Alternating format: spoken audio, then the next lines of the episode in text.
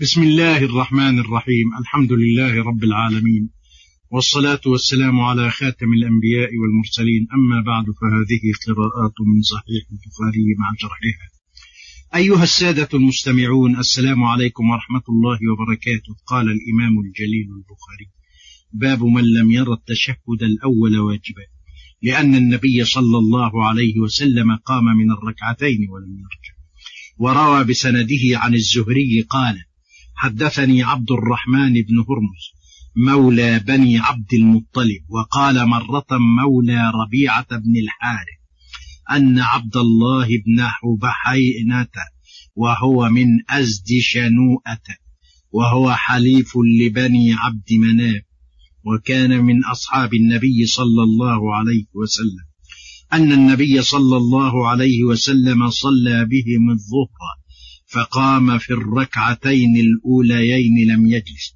فقام الناس معه حتى إذا قضى الصلاة وانتظر الناس تسليمه. كبر وهو جالس فسجد سجدتين قبل أن يسلم ثم سلم. ثم قال باب التشهد في الأولى. ثم ذكر حديث عبد الله بن مالك بن بحينة بسند آخر. قال صلى بنا رسول الله صلى الله عليه وسلم. فقام وعليه جلوس فلما كان في آخر صلاته سجد سجدتين وهو جالس أقول وبالله التوفيق يريد البخاري بالترجمة الأولى أن التشهد الأول والقعود له ليس بواجبين والظاهر أن المراد بالوجوب الفرض أو الركن يعني ليس بفرض ولا ركن ليس بفرض ولا ركن من أركان الصلاة فمن تركه لم تبطل صلاته. وقد استدل البخاري لما ترجم به بأن النبي صلى الله عليه وسلم لما سهى وقام بعض الركعتين من غير جلوس لم يعد إلى الجلوس وإنما تمم صلاته وسجد للسهو فلو كان القعود الأول للتشهد ركنا وفرضا لما جبر بسجود السهو وهذا الحكم لم يجمع عليه وإنما اختلف فيه الفقهاء كما سنبين.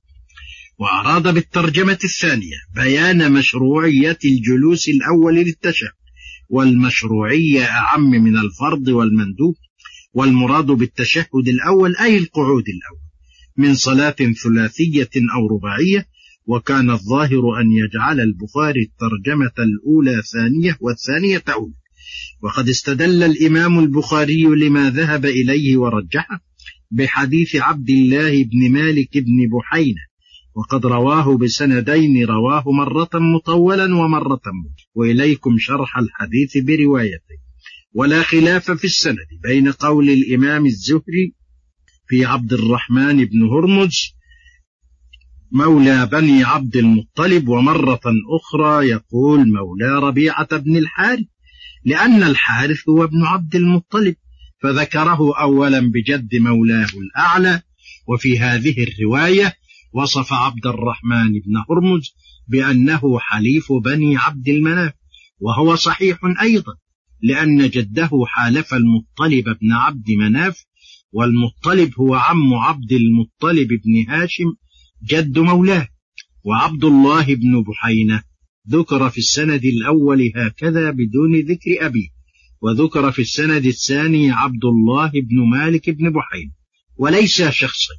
وإنما هما اسمان لشخص واحد فأبوه عبد الله وبحينة هي والدة عبد الله على الصحيح المشهور.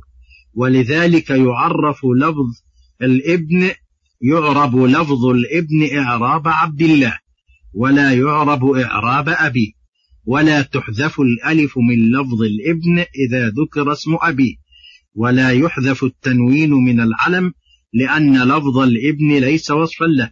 فليتنبه إلى هذه الدقائق طلبة الحديث والعلم وأزد شنوءة قبيلة مشهورة من قبائل العرب.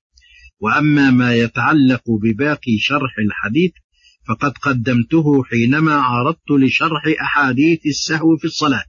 قول عبد الله بن مالك بن بحينا في الرواية الثانية صلى بنا رسول الله صلى الله عليه وسلم الظهر فقام وعليه جلوس المراد به الجلوس الأول كما بينته الرواية الأولى. وقد استدل من استدل بالوجوب بقوله وعليه جلوس لأن على تدل في الاستعمال اللغوي على الوجوب. وهو دليل يتطرق إليه الاحتمال فلا يصح به الاستدلال.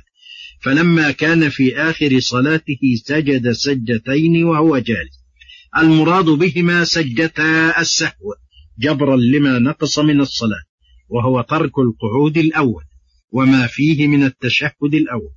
والمراد بالتشهد هو ما جاءت به السنة وهو التحيات لله والصلوات والطيبات إلى قوله أشهد أن لا إله إلا الله وأشهد أن محمدا عبده ورسوله. وسمي التشهد تشهدا مع أنه مشتمل على غير الشهادتين من الأذكار والدعوات تغليبا للشهادة الحق شهادة التوحيد على غيرها لشرفها وأصالتها فهي أصل الإيمان وأصل قبول الأعمال. وقد دل الحديث بروايتين على أن ترك القعود الأول وما يتبعه من تشهد ليس مبطلا للصلاة وما ذلك إلا لأنه ليس بفرض ولا ركن وإليكم يا سادة حكم القعود الأول.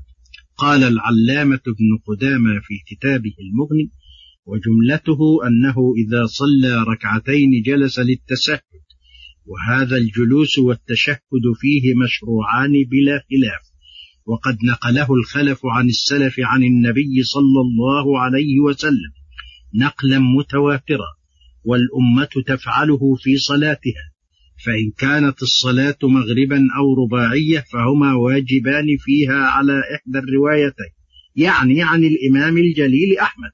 وهو مذهب الليث بن سعد وإسحاق بن راهوي. أقول وهو قول للشافعي والأخرى ليس بواجبين وهو قول أبي حنيفة ومالك والشافعي لأنهما يسقطان بالسهل فأشبه السنن. أقول والصحيح عند الحنفية أن القعود الأول واجب من تركه سهوا فعليه سجود السهو ومن تركه عمدا أساء. ووجبت عليه الإعادة فإن لم يعد أثم وفسق. وإلى القراءة التالية غدا إن شاء الله والسلام عليكم.